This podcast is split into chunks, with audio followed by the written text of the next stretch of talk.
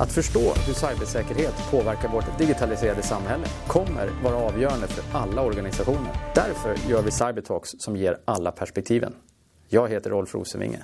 Välkommen! I dagens avsnitt av Cybertalks gästas vi av Rickard Öhme, välkänd cyberprofil med lång erfarenhet från FRA, MSB och Regeringskansliet.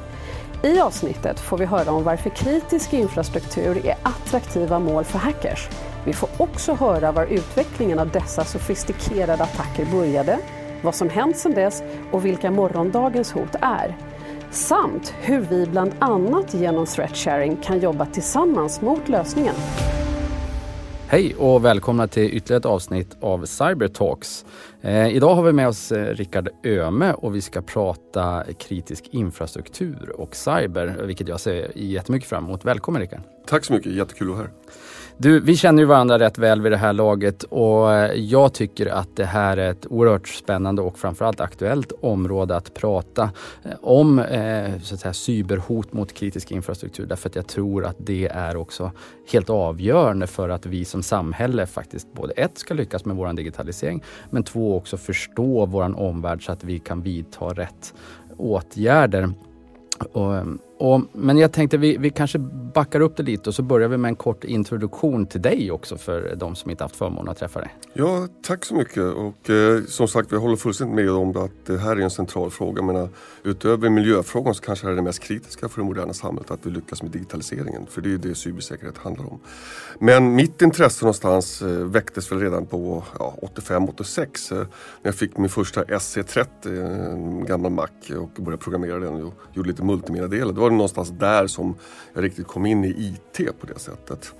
Sen så blev jag ganska snabbt uppsugen på FRA, Försvarets radioanstalt och eh, var där under väldigt många års tid, både då som analytiker, stationschef, eh, myndighetsledningen innan jag sen gick in till försvarsdepartementet. Och eh, där var jag då väl den enda som kunde teknik ansågs det på SUND som det hette, det säkerhetspolitiska underrättelsesekretariatet och hamnade in då hårt egentligen i informationssäkerhetsfrågorna. Satt med i eh, den stora informationssäkerhetsutredningen under Anders Svärd. Eh, och sen rullade det här vidare under ganska lång tid och blev sen också chef för säkerhetsfunktionen på regeringskansliet eh, under flera års tid och hade med mig de frågorna framåt. Och efter det och när jag lämnade regeringskansliet och lämnade statsrådsberedningen sen några år senare så gick jag ju till MSB och där jag blev ansvarig för cybersäkerhet och skydd av kritisk infrastruktur. Så att tidigt intresse för IT och ett riktigt tidigt intresse för, för den här hotmiljön som vi redan 2001-2002 såg som kommandes där helt enkelt. Ja, och det här tycker jag är bra för att eh, du har ju hela, så att säga, du har hela paletten av, av bakgrund så att här finns ju verkligen eh, erfarenheter för att föra ett, ett insiktsfullt samtal. Sen är det ju såklart också så att eh, vissa av de sakerna är svåra att kommentera men jag tror att vi kan ändå, jag hoppas och tror att vi för lyssnarens skull kan komma till ett, ett, ett bra samtal med riktiga insikter även om vissa det, specifika detaljer ibland kanske kommer behöva utelämnas. Men det, det, tror jag att vi kan navigera. Men jag är också fortfarande så att säga, vad, vad är det som du tycker är spännande med själva den här säkerhetsdimensionen kopplat till digitalisering och kritisk infra? Vad, vad, är det som, som, som, som triggar dig i och har liksom hållit dig någonstans under lång del av din karriär kring de här frågorna? Det är komplexiteten i frågan och den takten utvecklas med. Menar, alltså, vi utvecklar nya digitala tekniker hela tiden. Vi utnyttjar allt. Det, det är liksom ett extremt stort eh, flöde som kommer in och utvecklingen går i alla olika riktningar. Så det finns ju ingen brist på vad man ska göra. Och här har vi försökt springa efter och hitta nya möjligheter. Och det är väl det här som också lockar mig, att, att det finns alltid den här typen av komplexitetsgrad där man kan göra någonting mer och hitta nya vägar. Men det jag försökte arbeta med är att hitta vägar som även ger legala möjligheter och andra delar. Och en av de sakerna jag sysslade med på Sund på försvarsdepartementet var just signalspaningslagen. Så jag var ju en av de två huvudskribenterna till den nya FRA-lagen som det heter. Eh, och eh, skrev det första utkastet till den DS 2005 30 som den heter. Och arbetade hårt med den. Och jag var IT-hot hoten var ju en av de viktiga frågorna i den diskussionen. Så att det, det, det här har alltid funnits men det är lätt att tycka till men vi måste också leva, vi lever i en rättsstat. Vi lever i alla de här grundförutsättningarna som finns och då måste vi hitta mekanismer rakt överlag. Och sen har ju nu det här vaknat upp på ett helt annat sätt med EU-frågorna. Så att det här utvecklas ju hela tiden men vi springer fortfarande i kapp Och vi måste hitta nya sätt att angripa den här problematiken. För du kommer aldrig hinna kapp teknikutvecklingen. Du måste hitta andra sätt att titta på det här. Yes. Ja, men, och jag tror att det är viktigt som du är inne på också här, att vi har de förutsättningar vi har och så får vi hitta så att säga, sättet eh, utifrån våra svenska specifika förutsättningar att, att jobba med de här frågorna. Vi ska komma in lite på det senare tror jag som sagt. Men som sagt, vi, vi har ju den regeringsform vi har eh, vilket driver en hel del saker som kanske inte eh, gör att vi rakt av kan ta lösningar från, från andra länder. Eh, likväl som de inte kan ta dem från oss. Men du, för, för eh, diskussionens skull så kanske vi också ska så att säga, förtydliga förtydliga lite grann vad är det vi egentligen pratar om, för det kanske inte är självklart för alla. Vad menar vi när vi säger cyberhot mot kritisk infrastruktur? Om vi börjar i änden, vad är kritisk infrastruktur idag? Det finns ju en diskussion i Sverige och, i Sverige pratar vi väldigt mycket om samhällsviktig verksamhet. Och nästan allting är ju samhällsviktigt på det ena eller andra sättet.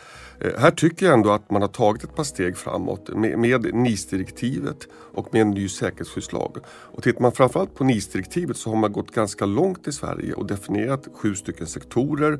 Man tittar på energi, man tittar på telekom, man tittar på molntjänster, molnleverantörer, eh, finansiella institutioner. Allt det här finns med. Så att, och sen har man faktiskt definierat det här ganska väl. Men det är det som verkligen behövs för att vårt samhälle ska fungera. Eh, det, det, det, kanske inte är liksom att du ska kunna gå över gatan liksom i trafikljus just för det tillfället. Men om alla trafikljus slocknar samtidigt, då är det ett systemproblem. Yes. Och, och det där är ju um, um, vikt, en, en, viktig distinktion för att historiskt sett, min bild, så har man ju resonerat kring så att säga, skydd, eh, försvar och så, som, som någonting som inom situationen endast åligger offentlig verksamhet. Men det är ju ganska tydligt tycker jag med, med NIS-direktivet att det här gäller ju hela samhället inklusive näringslivsaktörerna. Hur mycket upplever du att, så att säga, den insikten på riktigt har eh, träffat näringslivet och hur har, hur har man reagerat? Jag upplever nog att, att i större företag och samhällskritisk infrastruktur, där är man medveten om att det här är ett problem. Men sen är det ju stora organisationer och även mindre så blev med ett legacy. Men tittar man på banksystem, energisystem, andra delar så har man ganska stort IT-legacy som man måste ta hand om. Och, och, här finns det en utmaning.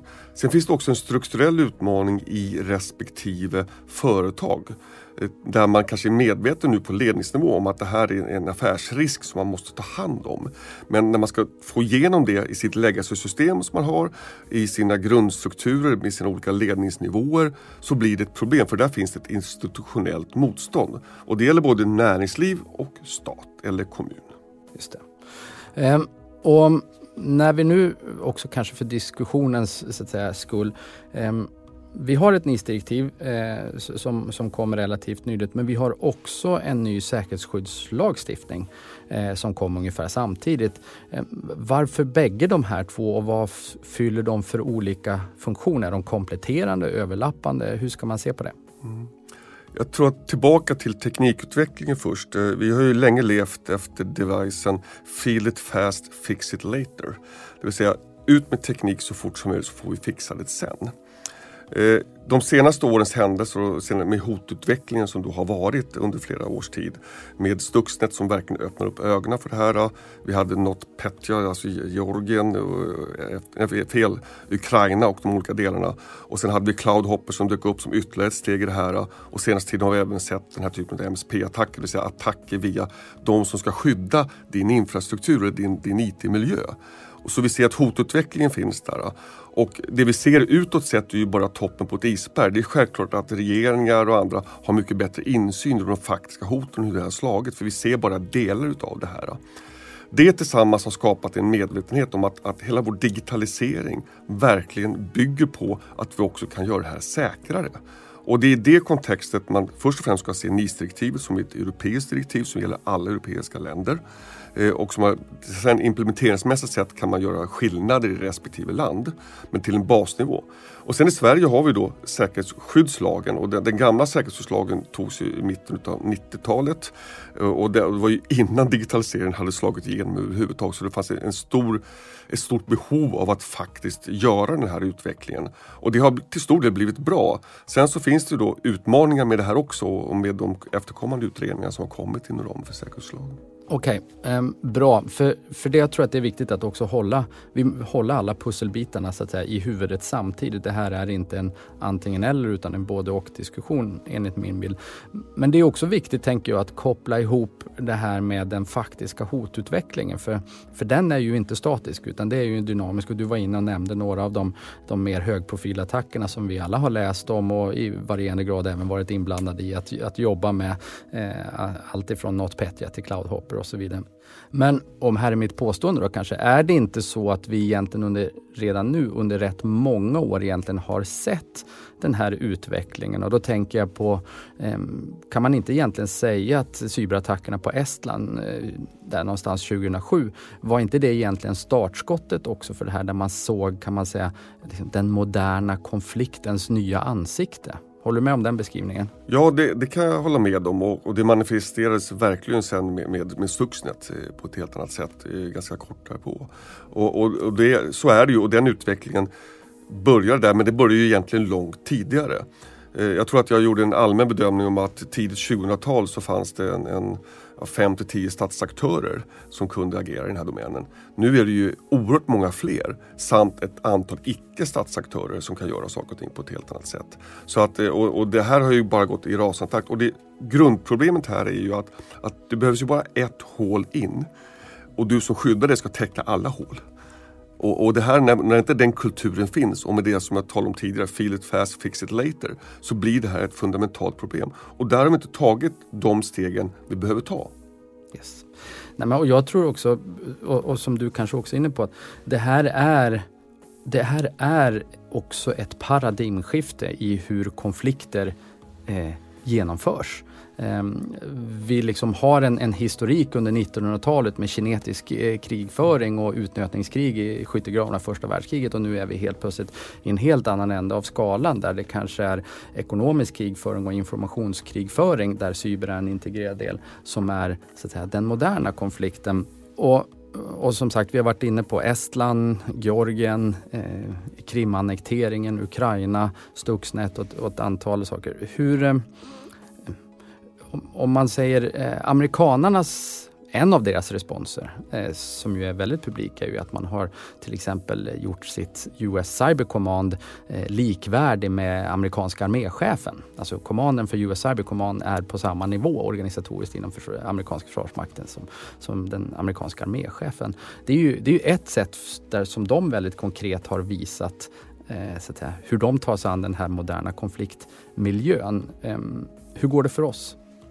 Jag tycker att det går bra. Men grundfrågan i Sverige är att vi, vi, är väldigt duktiga på digitalisering. Vi är också väldigt duktiga på säkerhet. Men, men vi, har, vi, har, inte riktigt nått hela vägen fram. Vi har ju en grundstruktur med, med flera stycken myndigheter som är ansvariga. Eh, och eh, tittar vi på rent cyberförsvar så har ju faktiskt det tagits ett antal steg där regeringen har gett Försvarsmakten i uppgift att sköta vårt cyberförsvar egentligen då, i samverkan självklart då med, med Försvarets radioanstalt. Så där har man gett de här delarna och sen så blir det av naturliga orsaker så ligger där under ett hemlighetsridå som, som finns och som det måste också vara. Därför det här är väldigt känsliga saker. Så att någonstans där på yttersta spetsen. Men ett cyberförsvar bygger ju också på att alla, menar, i och med att vi, som vi pratade om tidigare, kanske 80-90% av den kritiska infrastrukturen sköts ju faktiskt av privata företag. Vi har ju inte stora statliga drakar längre och då måste vi integrera det här och det här är ju en sak som jag har drivit och fortsätter driva i, i min roll som ordförande för cyberförsvarsgruppen på Säkerhets och försvarsföretagen. Där vi måste hitta nya samverkan och en del av sån samverkan är till exempel cyberförsvarsdagarna men det finns också många andra delar där vi börjar titta på hur kan man göra det här på ett bättre sätt. Eh, så att ja, i grunden så tycker jag ändå att vi har tagit rätt steg på den strategiska nivån, att det är på väg. Men det finns oerhört mycket kvar att göra för att vi måste skydda även vår civila infrastruktur. Och som också sa det här med gråzonsproblematiken.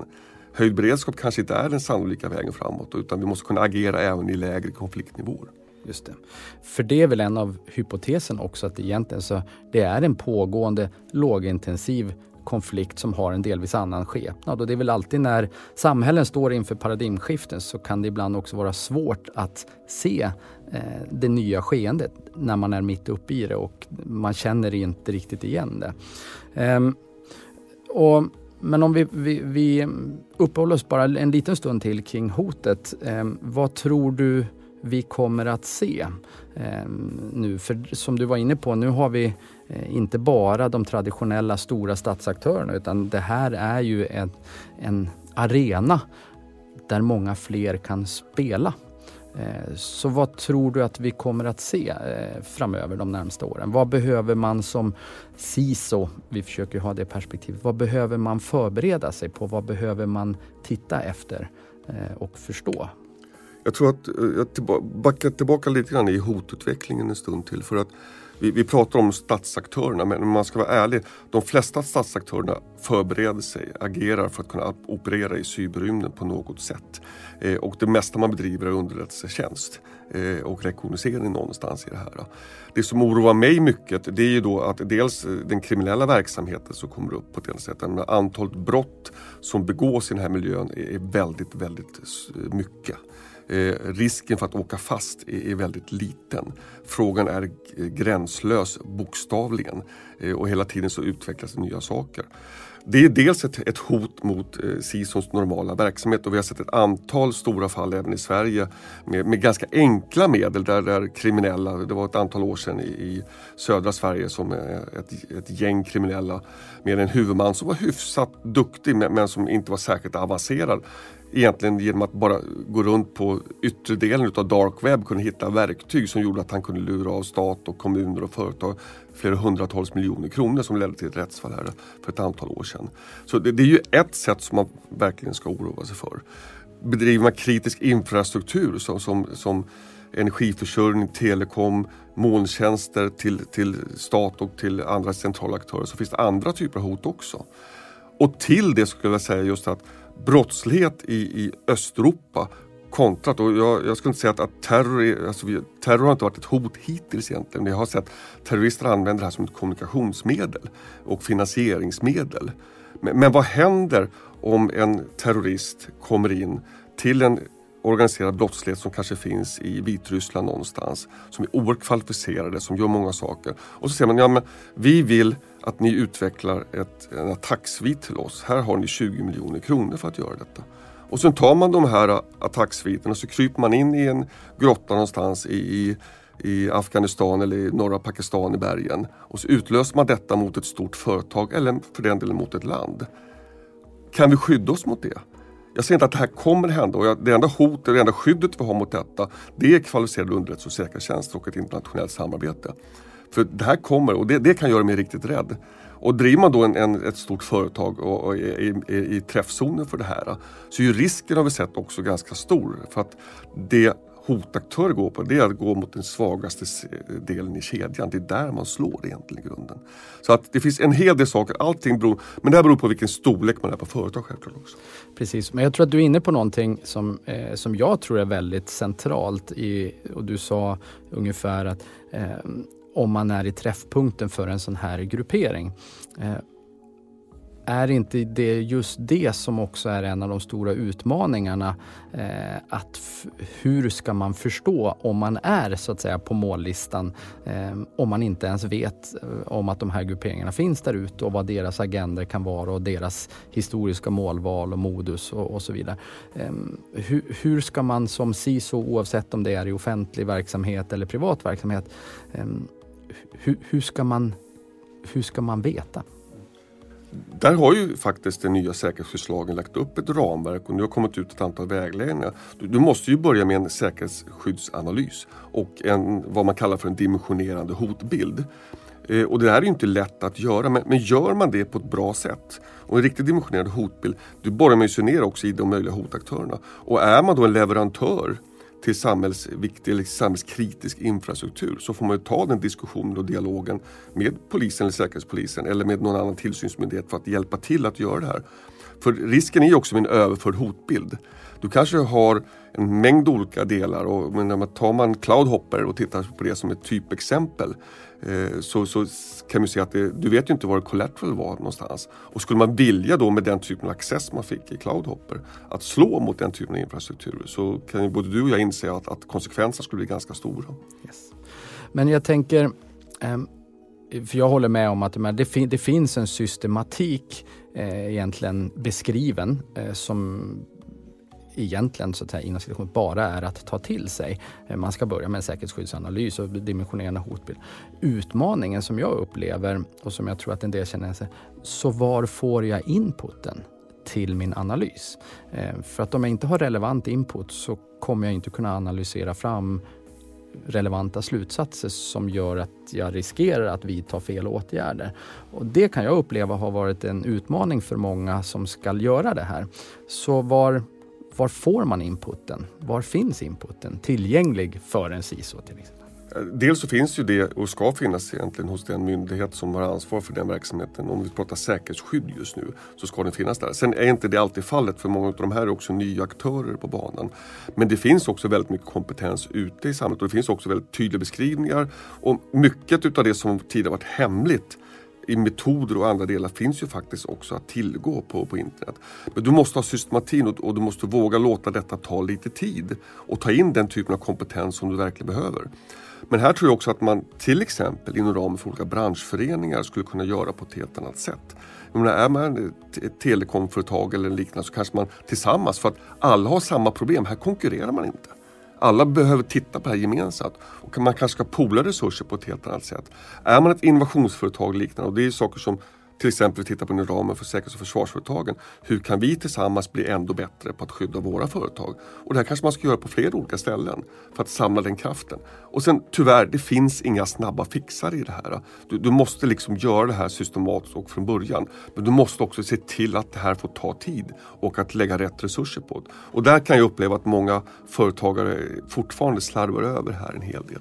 Jo, jag tror att du är inne på det här att ta, låta det ta tid och en annan viktig dimension här. Och, Ehm, vi, vi, jobbar i en bransch med väldigt mycket, väldigt mycket engelsk terminologi men threat sharing är ju egentligen det vi pratar om och det är ju någonting som eh, som börjar segla upp som just en av de här nycklarna. Så hur åstadkommer vi en, en faktisk, verklig threat sharing? Inte bara på övergripande liksom konceptuell nivå utan ner faktiskt konkret.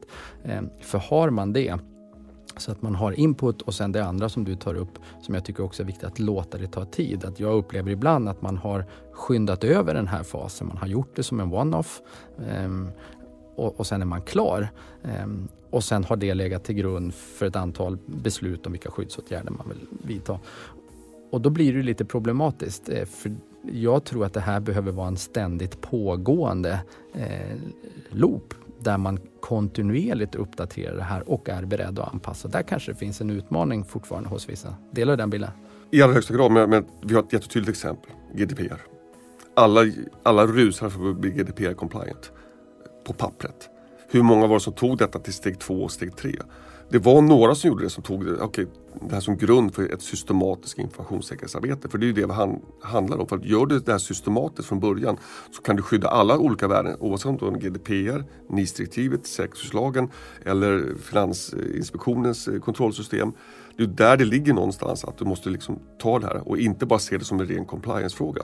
Och där finns ju nog det grundproblematiken hos många, att det, det, här är en risk som man måste pricka av. Men i och med att det här nu har kommit upp på riskmatrisen och kommer in i styrelserummen på ett helt annat sätt, vilket det inte gjorde för tre fyra år sedan. Nu är det i styrelserummen. Och då är nästa steg, hur tar vi det vidare in i, i ganska komplexa organisationer och för det till en verklig systematik som gör att vi faktiskt börjar. Men det är också andra delar vi måste också börja titta på när vi gör våra typer av IT-produkter att vi gör säkerhet från början, security by design och secure code. Vi måste på ett helt annat sätt börja systematisera det här och det är därför det här inte är snabba processer. Och här blir det lite svårt ibland med, med styrningsfrågorna helt enkelt som måste komma från toppen, det vill säga från regeringen som måste ge ramarna många gånger. Sen har alla företag, alla myndigheter sitt ansvar men någonstans måste vi ändå satsa mer på det här. För digitaliseringen är innovation, det är framtiden. Den måste också vara säker. Precis, och jag tror att du är inne på någonting som, eh, som jag funderar på. Det är väl eh, nästan till en, en filosofisk eh, diskussion, men jag är ändå intresserad av att höra hur du ser på det här. För, för det är ju som du säger, att nu har vi ju eh, verkligen nästan översköljts av ny lagstiftning med GDPR, NIS-direktiv, säkerhetsskyddslagstiftning och så vidare. Ehm, men jag tror att det är viktigt också att förstå att i alla fall de jag träffar där, där ute, framförallt i näringslivet, att eh, man förstår att lagstiftaren vill peka ut en riktning och sätta eh, liksom, fokus på ett antal frågor, om det sen är dataskydd eller säkerhet eller säkerhetsskydd. Men en lagstiftning har också sina begränsningar därför att ur ett näringslivsperspektiv så, så fort det är regulatory compliance så gör man ju per default och ska väl egentligen nästan göra så lite som möjligt. Man ska vara compliant men du får ingen guldstjärna för att vara extra compliant. Så hur kan man skapa incitament att gå bortanför minsta möjliga compliance från samhällets sida? Eh, och är det rätt väg? Kanske är den första frågan. Ja, jag tror att det, det är alltid, en, alltså med piska kommer du inte särskilt långt. Det, det, menar, det finns exempel, jag tror från eh, mitten av 60-talet när, när vi hade fly, flyget störtade och man letade syndabockar hela tiden. Så vi kan inte fortsätta på det här när flygplan, efter flygplan störtade. Vi måste hitta en helt annan process eh, för att lära oss utav det här. Och det, det tror jag är viktigt. Men, men där är ju också, jag tror att det finns en, en mekanism hos företagen när man inser att, att det här kan faktiskt påverka min affärsverksamhet. Och, och, det är det jag ändå upplever hos många i ledningen nu, att man inser att det här är faktiskt en risk vi måste ta med. Sen finns det alltid en, någon form av avskrivningskostnad och en risk man är villig att ta. Men, men jag tror det, vi är långt ifrån att ha insett fullt ut och effektuerat det. Men den stora frågan just nu det är ju kompetensförsörjning. Vi, vi har ju brist på IT-människor generellt sett i Sverige. Men när det är säkerhetsmänniskor och människor kan skapa säkra rutiner och eh, informationssäkerhetsmänniskor så är bristen gigantiskt stor. Och, och, det är där som det verkligen är en stor utmaning. Ja, nu vet man, men hur ska vi få detta att hända? Jag, jag får signaler, kontakter från när och fjärran jag säga, i, Sverige som vill ha kan du tipsa mig om någon som kan det här? Hur ska jag göra det här? Så frågorna finns ju där men, men kompetensen är en stor brist. Och det är då jag pratade tidigare om att, att någonstans måste ändå regeringen sätta ramen. Utbildningsväsendet måste komma in. Det måste yrkesutbildningar. Det är, det är en mängd olika saker som kommer in här. I en situation där både redan är brist på IT-tekniker men det är ändå större brist på säkerhetsmänniskor. Och det är två sidor av samma mynt. Det ena är digitaliseringen, det andra är säkerhet. Och det måste gå hand i hand på ett helt annat sätt framöver.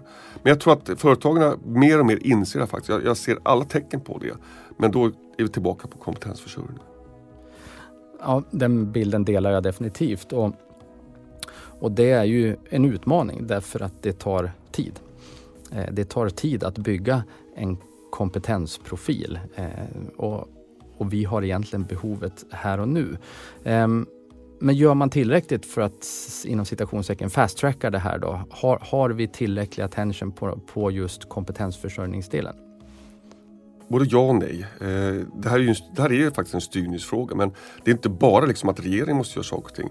Även företagen måste göra sina delar i det här och för att kompetensväxla och se till att man får resurser. För att det, det är två spår. Om man får tillstånd program fler än. Jag tror att vi har tre eller fyra stycken master på tekniknivå.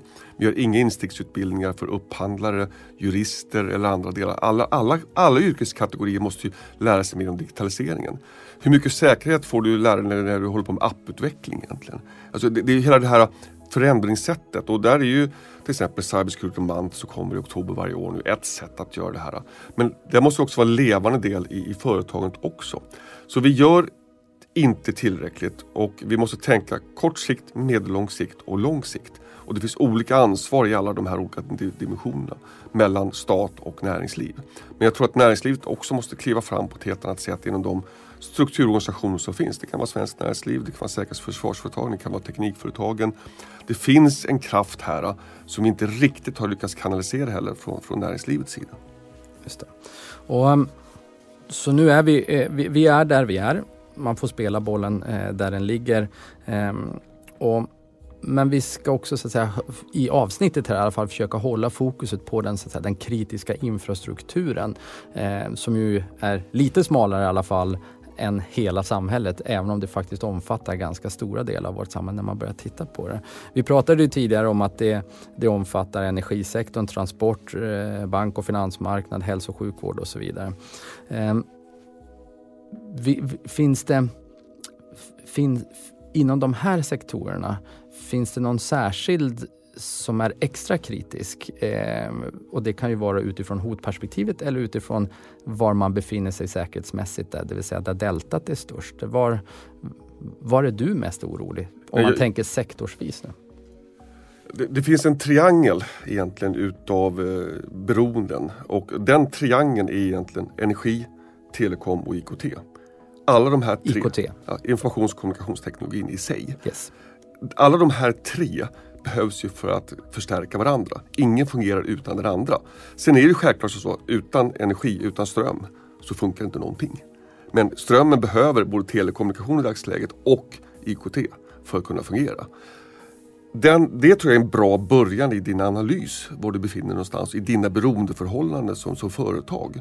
Börjar du där någonstans och tittar på hur är jag beroende på det här? För att många gånger så pratar man om diversifiering, det vill säga att man ska ha fler olika vägar in till exempel. Talar man telekommunikation så tror man kanske att man har en, en diversifierad förbindelse in. Men i själva verket så kanske det är två teleoperatörer som kommer in via samma fiber, svartfiberkabel någonstans i det här. Och då har man inte en riktig diversifiering. Och det här gäller även på nationell nivå. Här finns det ganska spännande projekt som har gjorts. Eh, det finns ett projekt som heter Särimner som rullar vidare eh, där man tittar på telekom och redundans på ett helt annat sätt. Och jätteviktiga frågor. Det finns också med i den nationella handlingsplanen som har tagits fram av de så kallade Samfi-myndigheterna. Eh, och det är då de centrala myndigheterna för cybersäkerhet och informationssäkerhet i Sverige. Så att det finns rörelser här också men, men det, det är på så låg nivå och det utreds hela tiden. Vi måste göra mer utav det vi vet. Vi vet väldigt mycket. Det finns väldigt mycket kompetens. Låt oss göra de här sakerna också. Och jag tror att det är viktigt att, att eh, vi är någonstans i läget där vi behöver på riktigt också gå från ord till handling och, och, börja implementera de här sakerna. För jag delar bilden och jag tycker att det är bra att du tar upp den här triangeln. Eh, för den är helt central eh, och elförsörjning är givetvis helt avgörande för vårt moderna samhälle. Samtidigt som vi ju också har sett hur en modern konflikt inleds. Och då tänker jag till exempel på invasionen av östra Ukraina och så vidare där man börjar med att släcka ner griden. Eh, så om man lägger ihop de två faktorerna så, så tror jag att man har en, en, en, hel del av prioriteringarna redan klar och då handlar det egentligen, precis som du är inne på, tror jag, att, att gå från ord till handling. Um, så hur gör man det? Hur gör man det? Ja, återigen, det beror på vad det är. Eh, vi, vi har väl hur många är det? 95-98 procent någonstans utav alla företag i Sverige som är små och medelstora. Eh, de har ju en förutsättning för sig. Sen har vi ett antal större företag och det beror ju på var du är någonstans här. Är du ett stort företag så gäller det att ha systematik. Och jag upplever som sagt både stora energibolag, stora banker och annat att man, man är medveten om det här när man skapar de processerna som finns. Där är det stor utmaning kanske legacy och kompetens någonstans. Är du ett litet och medelstort företag så är det liksom, se till att det här ändå kommer in i, i styrelserummet på något sätt. Att det är någon i styrelsen eller i ledningen som har faktiskt ett ansvar för det här. Sen ska de ha experter eller konsulter som hjälper dem att göra saker men det här måste vara en del utav agendan. Så, så att få in det här där och sen säkerställa att du har en ansvarig person som faktiskt sköter de här sakerna. Och inte, inte någon på 10 procent längre. Va? Är, du, är du ett medelstort företag på kanske 200 personer och har viss verksamhet. Eh, säg att du är en, en, en Eh, lastbilstillverkare i, i Växjö eller något liknande som, som driver och utvecklar saker och ting. Så har du ett immateriellt värde i det du håller på med, din fortsatta utvecklingsdel. Då måste du faktiskt ha en person som också har ansvar för säkerheten, både fysiskt och informationssäkerhet. Sen hänger de där två ihop också. Så utse någon, alltså in i styrelserummet, ha någon där som är ansvarig för det här eh, i ledningen också på något sätt och utse en person som faktiskt kan arbeta med det. Och sen ta hjälp. För det finns massa hjälp. Och en uppmaning också, branschorganisationerna, börja engagera er på något sätt i de här frågeställningarna. Hjälp era företag att bli ändå bättre.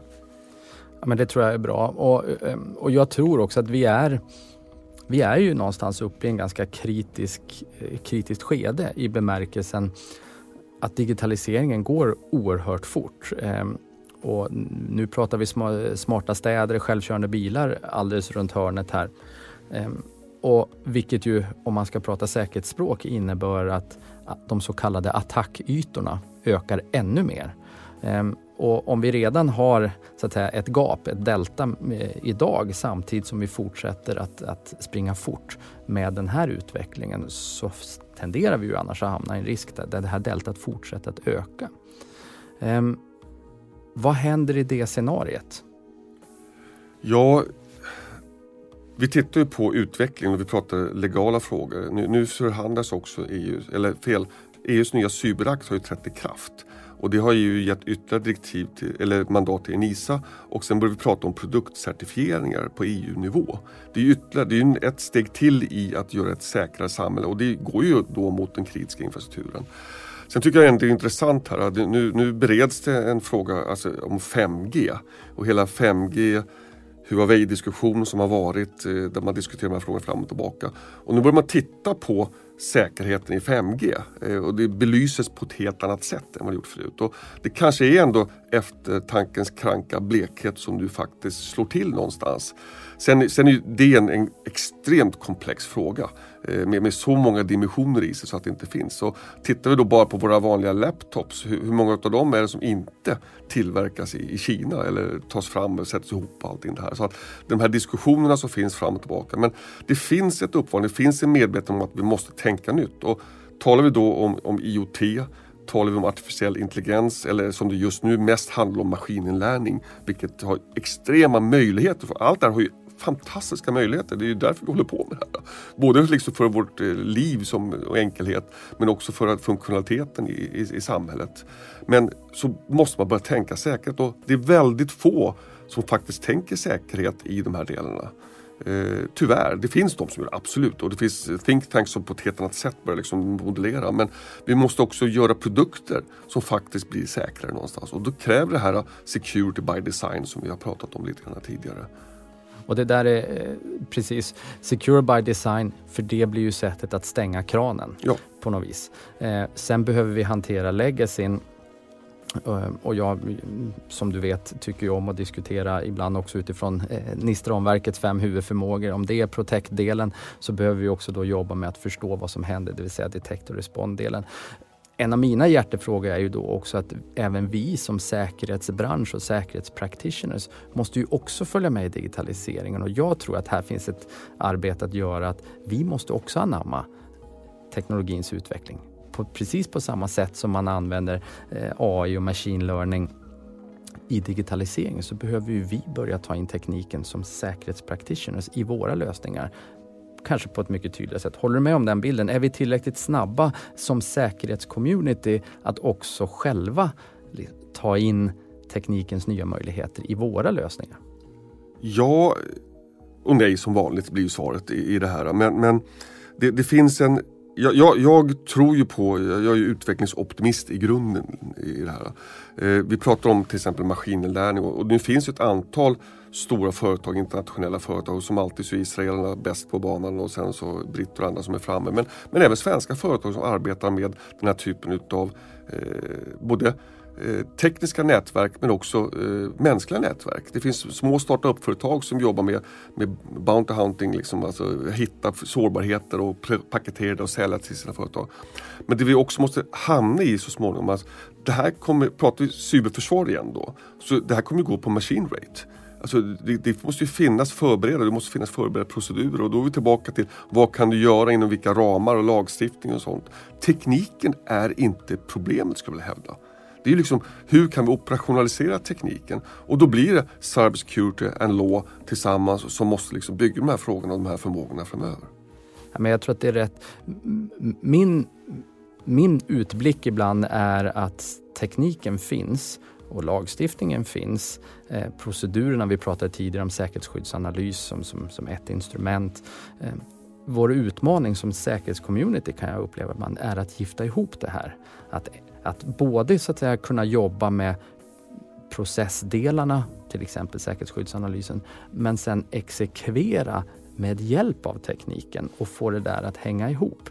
Eh, för min bild är att det finns ett antal väldigt potenta tekniklösningar där du har, för att använda alla buzzworden, både machine learning och AI inbyggt. Och jag tror att det här är mitt påstående, men jag tror att vi behöver bli snabbare som säkerhetscommunity på att ta, ta till oss den här tekniken och börja använda den i större utsträckning för att skydda vår kritiska infrastruktur. Är det en fair assessment? Det, det är det, men, men vi också, måste också göra som en, en, en eh, person sa på en eh, cyberförsvarsdag för några år sedan. Eh, alltså vi, vi måste fixa 90-talsproblem också, först. Eh, hur kan vi tillåta att offentlig verksamhet får köra opatchade maskiner under lång tid? Hur kan vi tillåta att, att det finns eh, infekterade datorer i, i offentlig verksamhet? Som om man tittar på MSB, ZSS hemsida så är det liksom, ja, beroende på vilka feeds du prenumererar på, men säg att det är 30-40 000 varje dag som finns, som finns i identifierbar offentlig verksamhet eller andra större verksamheter någonstans. Hur kan detta tillåtas? För är det offentlig verksamhet så är det styrningsmässigt sett ganska enkelt för regeringen. Eh, ganska enkelt, men, men faktiskt kan man ju faktiskt säga att, att ni skall patchar maskiner inom en vecka. Inte liksom, det ska vara skyldighet, liksom. Det är liksom, du mäts på det. Liksom. det, det, det Och sen, ja, lagstiftningen är, är rätt och där, där tycker jag ändå att totalförsvarsdiskussionen hjälper till i den här frågan också. För att vi, vi måste bygga ett helt annat eh, säkerhetstänk med det nya totalförsvaret som ska komma in. Och, och det, det borgar för att, att även offentlig förvaltning och sen blir offentlig förvaltning beställare mot privat sektor. Så att det här kommer lyftas och gå igenom hela samhället eh, successivt. Va? Så att det finns ändå hopp där men, men vi behöver tuna vissa saker ännu mer och vi måste också fixa 90-talets problem. Va?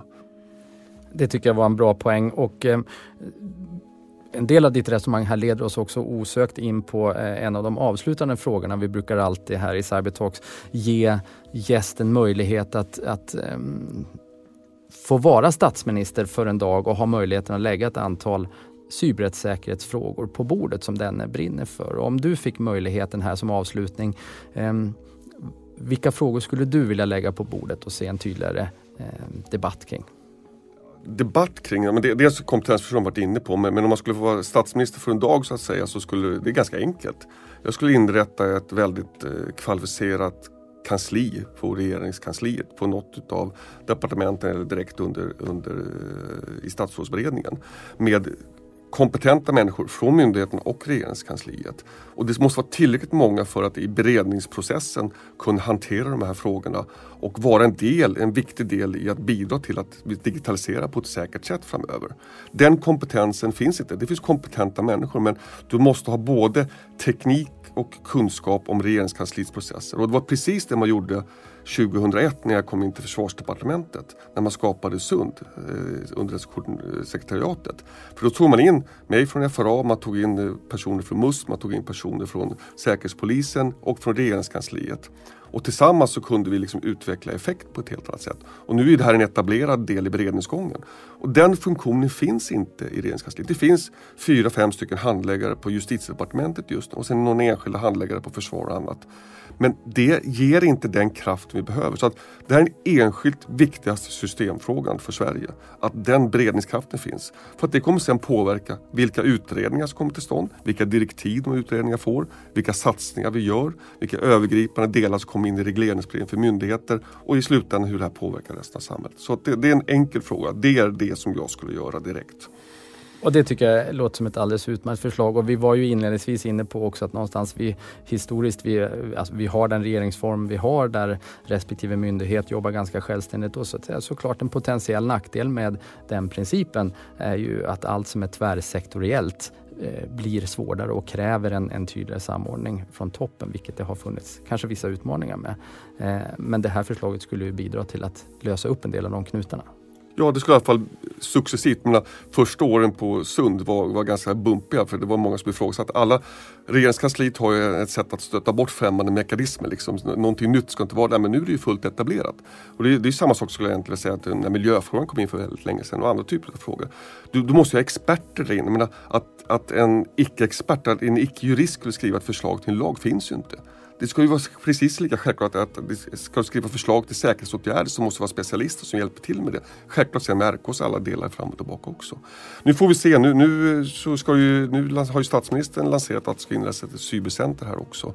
Och eh, det är fyra myndigheter som är inblandade i det här. Det ska bli spännande att se vad som sker med den frågan här nu under hösten. Men oaktat det, de är jättekompetenta och kan göra väldigt bra saker och ting.